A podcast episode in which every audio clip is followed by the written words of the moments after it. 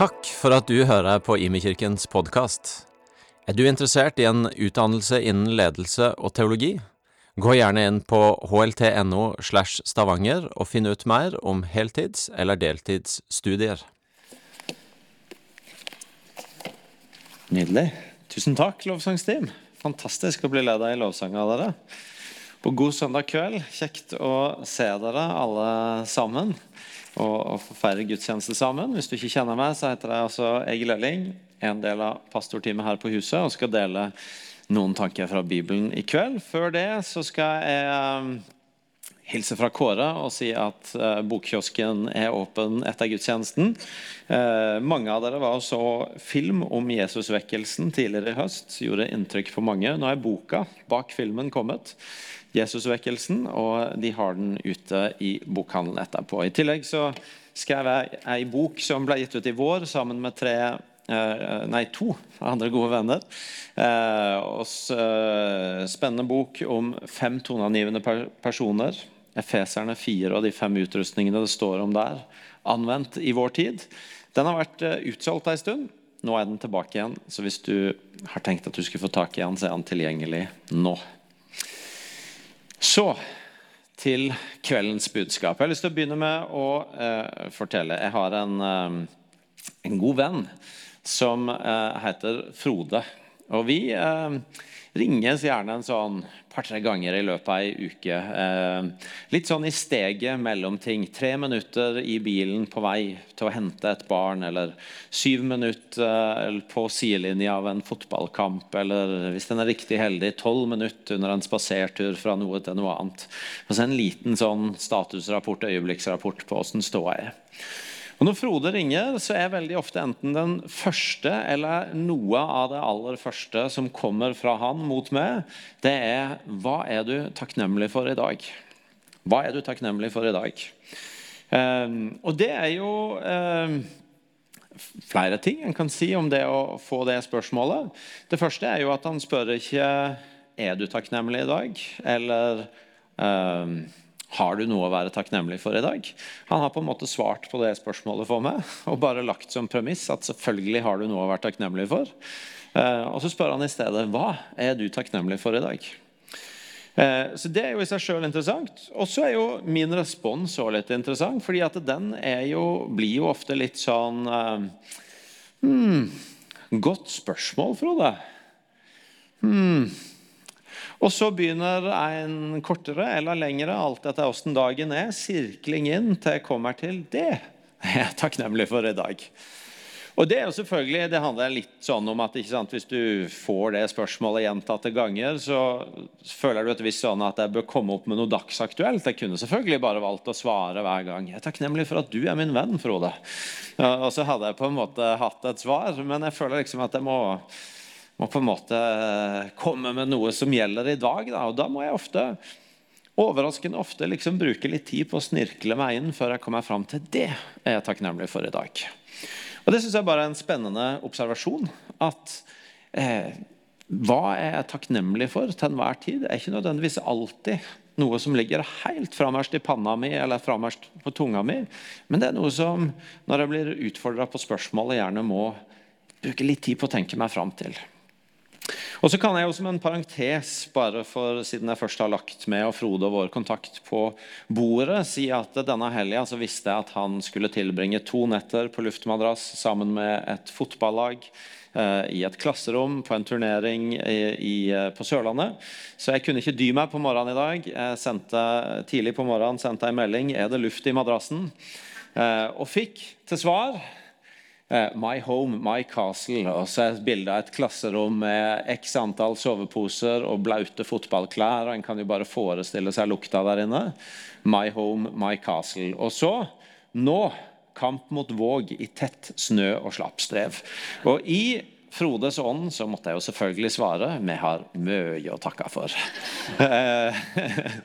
Eh, så noe medlidenhet fikk han ikke der, men bare litt ansvarliggjøring tilbake på at det er alltid noe å være takknemlig for. Men dere tar poenget. Eh, takknemlighet. Hvor langt fram i hodet vårt ligger det? Eh, ta nyheter, da.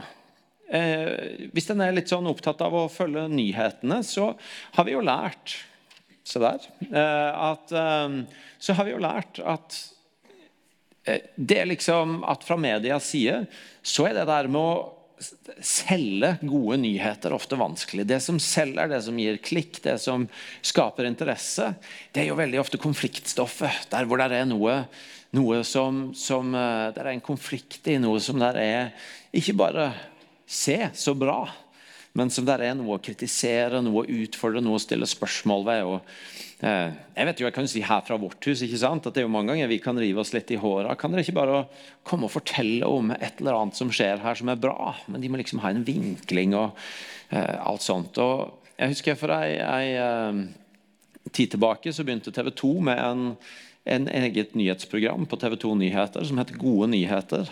Hvor de via en egen nyhetssending til å fortelle om gode ting som skjedde.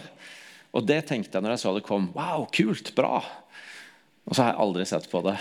Eh, og når jeg sjekka før, denne, eh, før i dag, så så jeg at siste sending av Gode nyheter var i mars en gang. Siden har det ikke vært laget noe. så kanskje traff det ikke helt. Hva er det for noe? At det er lettere å få klikk på konfliktstoff enn på gode nyheter. Og så kunne jeg jo tenke at Dette her, det har sikkert med moderne mennesker å gjøre. og Den på en måte nyhetssyklusen vi lever i 24-7, og alle inntrykkene som kommer mot oss. på en måte at Dette er litt sånn vårt moderne menneskefenomen. Men men kanskje er det ikke helt sånn heller. Det kan se ut som at Jesus også møtte noe av problematikken. Vi skal se kort inn i en tekst i Lukas 17, hvor det står fra vers 11. På reisen til Jerusalem dro Jesus gjennom grenselandet mellom Samaria og Galilea. Da han var på vei inn i en landsby, kom ti spedalske menn imot han. De ble stående langt unna og ropte, 'Jesus, mester, ha barmhjertighet med oss.' Han så de og sa, 'Gå og vis dere for prestene.' Og mens de var på vei dit, blei de rene. Men en av de kom tilbake da han merka at han var blitt frisk. Han lovpriste Gud med høy røst, kasta seg ned for Jesu føtter med ansiktet mot jorda og takka han. Denne mannen var en samaritan. Jesus sa, 'Blei ikke alle ti reine? Hvor er da de ni?' Var det ingen andre enn denne fremmede som vendte tilbake for å gi Gud æren. Og han sa til han, 'Reis deg og gå. Din tro har frelst deg.'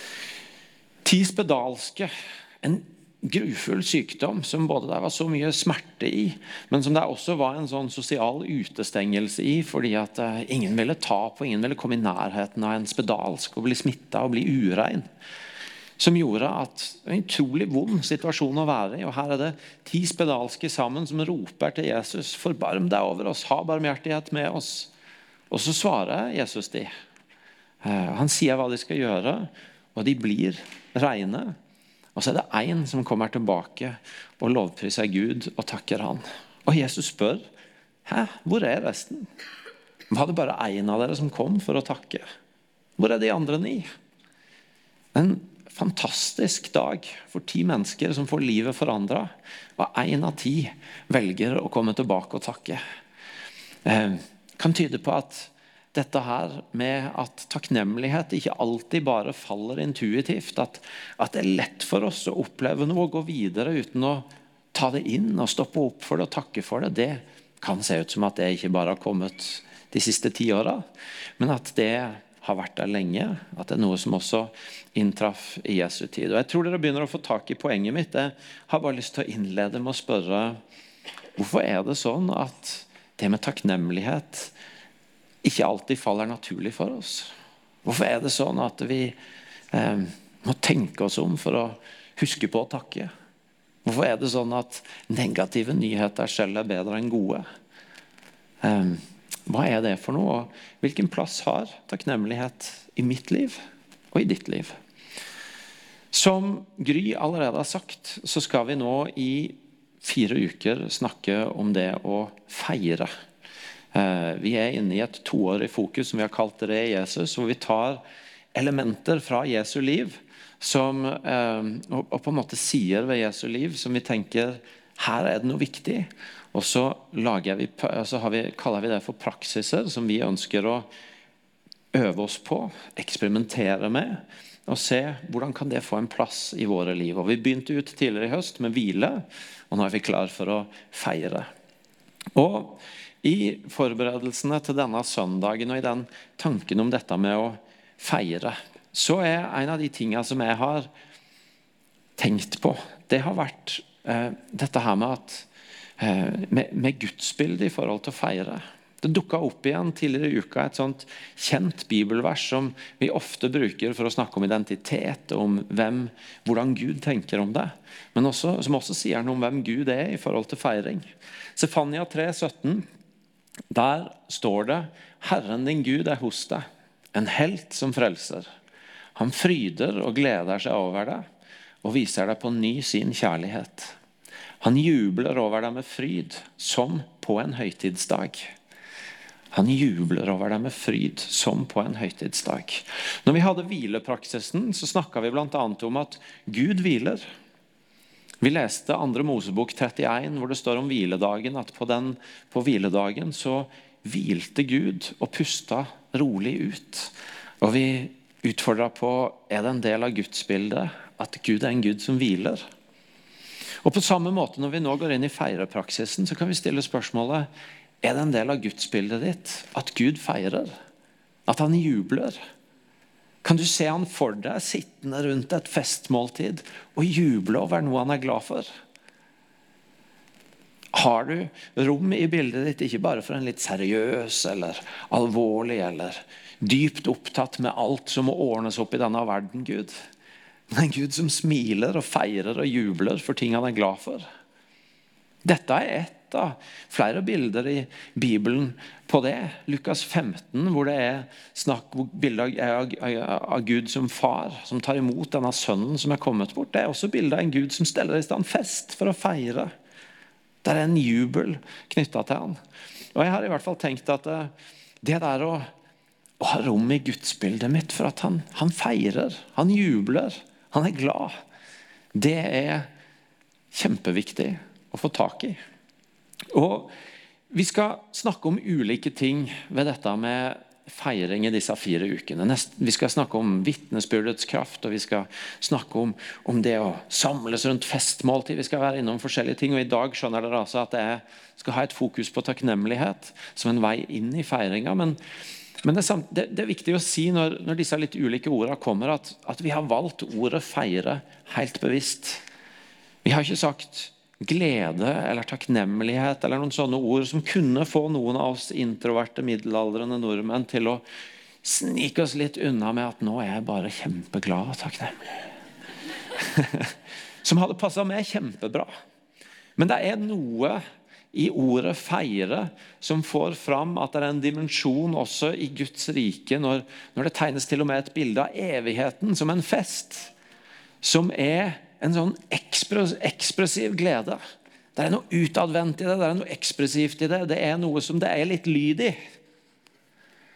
Og For sånne som meg, som kan av og til bli litt sånn stiv når gode kolleger av meg står her inne og utfordrer oss på å være sånn heftig og begeistra på innsida og prøver å hale ut litt mer entusiasme av oss, så har vi kanskje godt av å bli litt utfordra på at det er et bilde av Gud av Guds rike som rommer det faktisk en litt mer sånn ekspressiv jubel og glede og feiring.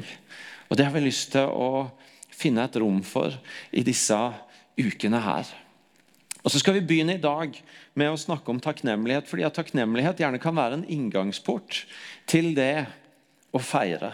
Det å ha et aktivt forhold til hva har jeg å feire? Hva har jeg å juble for? Hva er det Gud gjør som jeg kan være takknemlig for?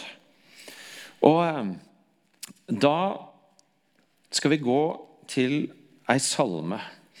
Eh, men jeg skal si før det at det kan jo være at du kommer til gudstjeneste og har ikke fokuset ditt så mye på feiringa eller takknemligheten.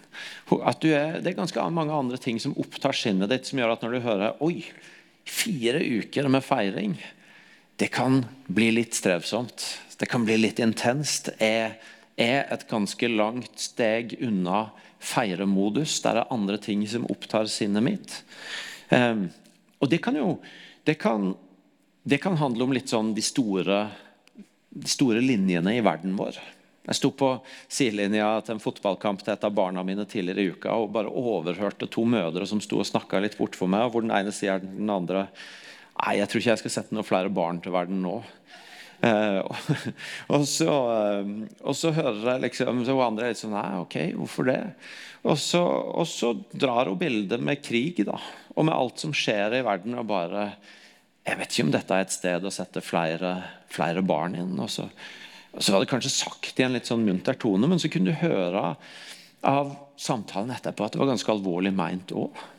Det kan være at du er i kontakt med ting som skjer i verden, som gjør at du tenker mm, det er et steg fra det som fyller skinnet mitt nå, og til det å være i et feiremodus. Eller det kan selvfølgelig være at du mye tettere på i ditt liv har ting på som gjør at tanken på at nå skal mitt fokus være fest og takknemlighet, det er litt fremmed. Jeg snakka med en denne uka som, som, var litt sånn Han var litt urolig for ja, Åssen skal dere snakke om dette disse fire ukene? Jeg har noen kjempetett på meg som Det siste de tenker jeg på, det er feiring og takknemlighet. For er, de står opp til her i ting som er vanskelig. Og da syns jeg det er ok å ta med seg hvis vi, Et av de stedene i Bibelen hvor vi finner mye feiring, det er i Salmenes bok. Salmenes bok som er ei bønnebok og ei tilbedelsesbok. Hvor det er masse sånn ekspressiv jubel og feiring. Masse sånne sterke ord og bilder av å feire Gud og hylle Han og takke Han og prise Han for den Han er og for det Han gjør. Men Salmenes bok er også en bok som er veldig sånn malende og fargerik i språket på å omtale det som ikke er godt i livet. Og som gir et ganske sterkt rom for det i bønnene, i språket, i det som uttrykkes. For så skal vi nå straks lese noen vers fra Salme 103 for å snakke om det med takknemlighet.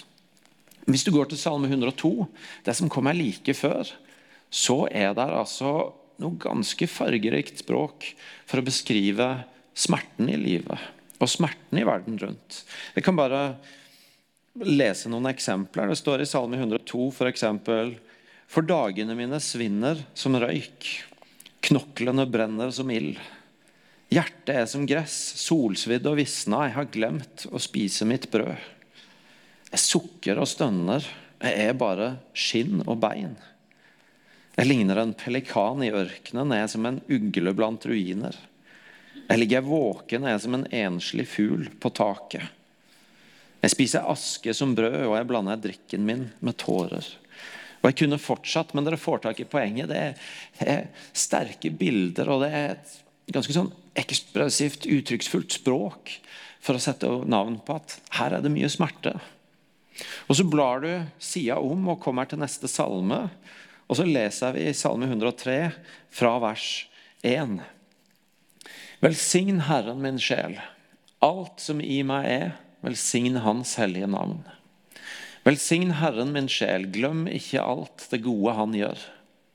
Han tilgir all din skyld og leger alle dine sykdommer. Han frir ditt liv fra graven og kroner deg med barmhjertighet og kjærlighet. Han metter ditt liv med det gode, du blir ung igjen som ørnen. Jeg synes bare det er greit å gjøre et poeng innledningsvis i denne serien av at Bibelen ber, deg, ber oss ikke om å glemme det som er ondt, vondt i livet og i verden, men den ber oss om å ikke glemme det som er godt. Den ber oss om å, glemme, å ikke glemme alt det gode han gjør. Den ber oss om å ikke glemme det vi kan takke for. Den ber deg ikke om å legge bort det du er i kontakt med som er vanskelig, eller det som opptar deg, som du, du, du ber for og syns er smertefullt. Og den gir masse rom for å uttrykke det. Men den sier samtidig men glem ikke alt det gode han gjør. Glem ikke det du har å takke for. Og så syns jeg det er interessant å se i salmen her for eksempel, at noe av det som kommer fram både i det vi leste og i versene videre, det er en takknemlighet for at Gud tilgir. Han tilgir all din skyld. Og Der står litt seinere han er barmhjertig og nådig. Han er sein til vrede og rik på miskunn. Jeg har vært kristen hele livet og levd med vissheten om at han tilgir meg. At han ga sin sønn for at jeg skulle bli tilgitt, og at jeg skulle kunne både være rettferdig overfor Gud, men også kunne få leve i frihet fra det som har blitt galt i livet mitt. Og hver dag stort sett, så er jeg i kontakt med min egen tilkortkommenhet. Hver dag så møter jeg på et eller annet vis ting som ikke er sånn som jeg skulle ønske. Og allikevel så skal jeg innrømme at det er absolutt faser i mitt liv som en kristen hvor jeg ikke har så høyt oppe takknemligheten for at jeg er tilgitt. Men hvor jeg kanskje står i fare for å leve litt mer som at jeg tar det litt for gitt. Jeg vet jo om det. Det er på plass, på en måte. Og så er det noe i denne påminneren her om at ja, vi skal få snakke sant om det som er vondt, men der er også alltid ting å takke for. Og om du syns det er vanskelig å se det sånn rett rundt deg i det synlige, så er det så mange ting ved det Gud har gjort for deg, og den han er og ønsker å være i livet ditt, som du kan velge å ikke ha et sånt Det kan jeg jo, det er vi ferdig med, men som du kan få ha et levende forhold til. Og velge et aktivt takknemlighetsforhold til, uavhengig av omstendighet. Fordi den ene innvendinga som i hvert fall jeg har kunnet tenke på med det med takknemlighet, det er det jeg har sagt om ja, Skal vi legge til side det som ikke er godt, da, og bare si nei, nå er det bare takknemlighet? Nei, ikke glemme det som er vondt, men ikke glem det gode han gjør. Men det andre er kanskje at jeg kan i hvert fall noen ganger leve litt i et sånt modus hvor, kan, hvor dette her med takknemlighet i mitt liv kan være ganske sånn følelsesstyrt. Nå! Å, nå skjedde det noe jeg ble takknemlig for. Nei, men da takker jeg. Men hva når jeg ikke kjenner det? Og Da har i hvert fall jeg latt meg utfordre av et sitat fra en forfatter og åndelig leder som heter Henry Noven, som har skrevet dette om takknemlighet. Takknemlighet går forbi mitt og ditt og hevder at alt i livet er en rein gave. Før tenkte jeg alltid på takknemlighet som en spontan respons på gaver jeg mottok, men nå innser jeg at takknemlighet også kan leves som en vane. Takknemlighet levd som en vane er en bevisst innsats for å anerkjenne at alt jeg er og har, er en gave gitt til meg i kjærlighet.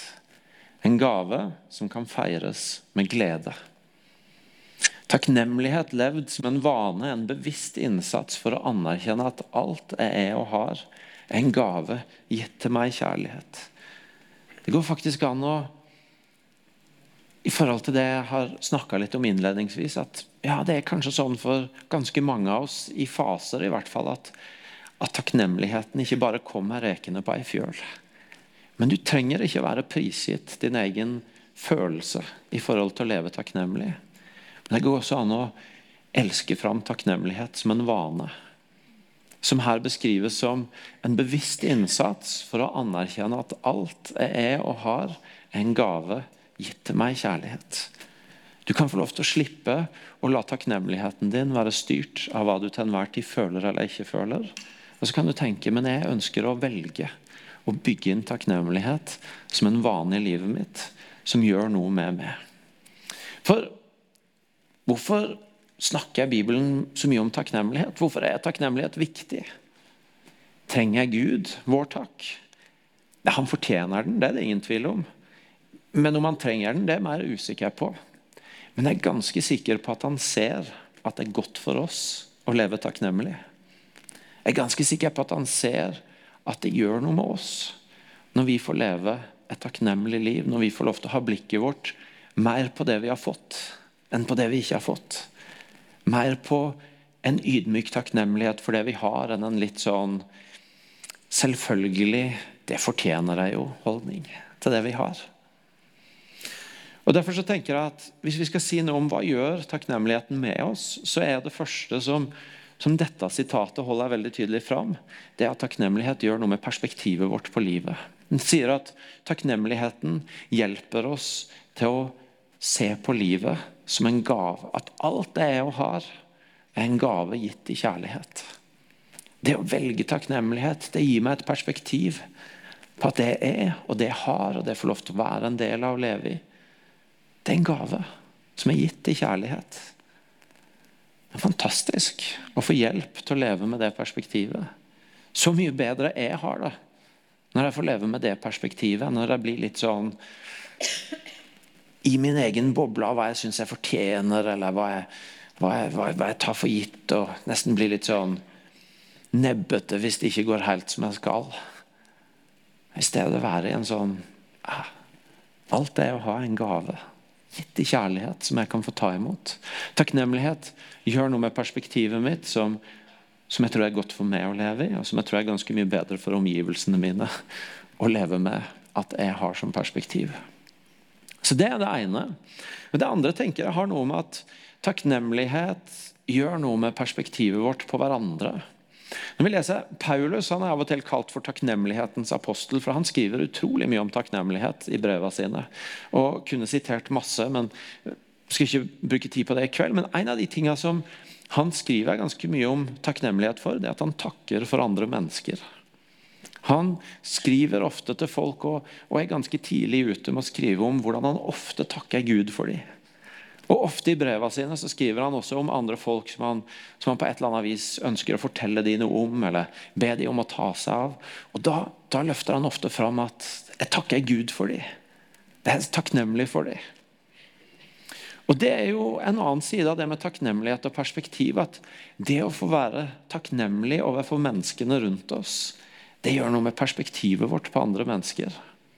Det er som om når jeg får lov til å velge takknemlighet for de menneskene jeg møter, når jeg får lov til å velge å se på det jeg kan takke for å anerkjenne og feire i det et annet menneske er, så er det som om jeg går inn i denne jubelen som vi leste om hos Gud i Sefania 3, 17, når det står at han jubler og fryder seg over oss. Jeg får lov til å gå inn i den jubelen og være med å feire de menneskene han har satt rundt meg. Jeg vet ikke om, vet ikke om dere har opplevd det, men noen ganger har i hvert fall er det sånn når, når jeg er i bryllup eller runde bursdager, og sånn, så, så, blir det ofte sagt mye fint om folk som er der. Og mer enn én en gang så har jeg opplevd å sitte der og litt sånn Ja, oi. Det er et godt bilde av den personen, ja. Kan føle meg litt sånn avslørta. Tenk at jeg ikke har, har, sett det mer før. Tenk at jeg ikke har hatt mer blikk for det gode ved den personen før. Og så er selvfølgelig en mulighet å tenke at ja, ja, det er jo typisk på sånne dager så forstørrer vi alt det som er godt, og så børster vi det andre under teppet. Men, men det er også noe med at det å få takke for andre mennesker, det å, det å, velge å se på et annet menneske med takknemlighet, det gjør at vi ser de annerledes. Og Dette er et felt som i hvert fall jeg har ganske mye å gå på. Jeg har mer enn én gang blitt utrolig overraska over at folk rundt meg ikke har fanga opp at ting som jeg har tenkt utrolig klart og tydelig, at de ikke har fanga opp det. Om, om, hvor glad jeg er for dem, om hvor flott jeg syns det de gjorde var. Jeg har tenkt det så klart i mitt eget hode, men de har ikke fått det med seg. Og det er Jeg har masse å gå på jeg, i å sette ord på takknemlighet over og til mennesker rundt meg. Jeg tenker Det har jeg lyst til å ut, la meg utfordre i denne tida. Å feire folk rundt meg. Feire det de representerer, feire det Gud har lagt ned i dem. Feire det de er. Og se dem gjennom den linsa. Få lov til å se dem i det perspektivet. Så takknemlighet i perspektiv på livet. Takknemlighet gir perspektiv på andre mennesker. Det siste poenget jeg har lyst til å ta fram, det er at det er noe med takknemlighet og frihet. Og Da har jeg lyst til å gi dere et sitat til. Dagens siste. Det er fra Ronald Rollheiser. Han skriver If our love and service of others does not begin in gratitude, we will end up carrying people's crosses and sending them the bill. Uh, den, den smeller litt eh, hvis du tar den inn. Men hvis vår kjærlighet og tjeneste til andre ikke forankra i takknemlighet, så kan vi veldig lett ende opp med å bære byrdene de sine og så sende de regninga etterpå. Og Det er jo en tankevekker. Har jeg gjort det noen gang? Mest sannsynlig. Det er en frihet i å få leve takknemlig og i en posisjon hvor ja, jeg kan få lov til å velsigne det uten å egentlig gå og holde mitt eget regnskap i det skjulte, hvor jeg forventer at på en eller annen måte så kommer det noe tilbake. Kjempeglad for å velsigne deg. Og så skylder du meg likevel en. Det er en frihet i å få starte i en takknemlighet som gjør at jeg er fri, og du er fri, når jeg velger å velsigne, når jeg velger å tjene, i stedet for å sende deg regninga du ikke hadde bedt om og ikke hadde venta i etterhånd, på etterkant. Så jeg tror dere tar poenget. Det er noe med at takknemlighet gir et perspektiv på livet. Det gir et perspektiv på andre mennesker. Men det ligger også en frihet i det som jeg tror er utrolig flott.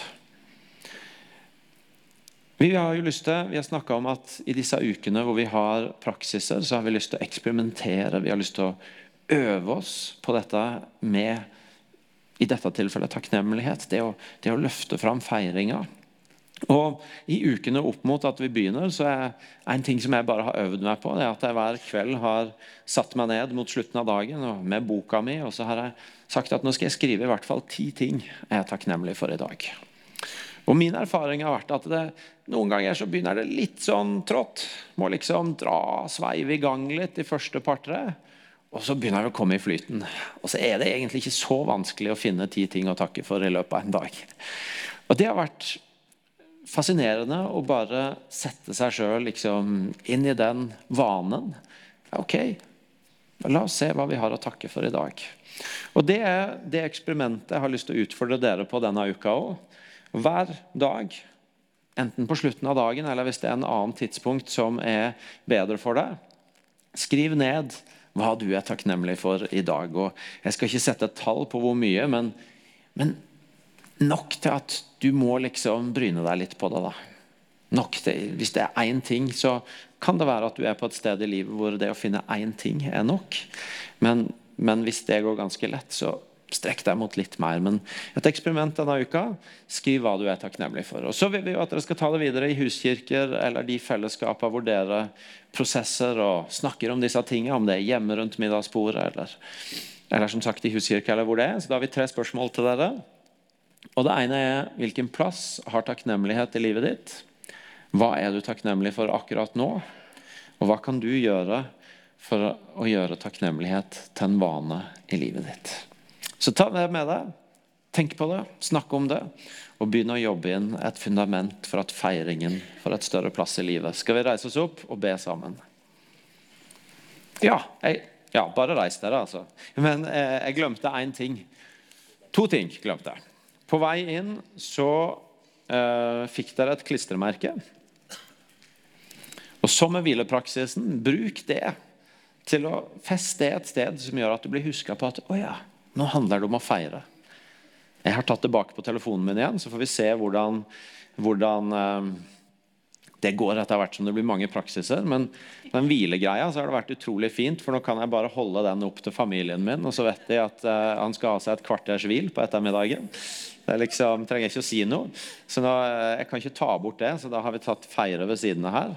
Finn et sted å klistre som en påminner om denne uka om takknemlighet og etter hvert praksisen. Så er det også kommet opp en feiresøyle der. I løpet av disse ukene så håper vi å fylle den med takkeemner og ting vi har å være takknemlige for. Så når lovsangen kommer nå, så ligger det penn og lapp rett på scenen der. Så har vi lyst til å begynne å, å fylle opp takkesøyla gjennom disse ukene. Feiresøyla, mener jeg, gjennom disse ukene. Da ber vi. Jesus, eh, takk for alt det du er, og alt det du gjør for oss.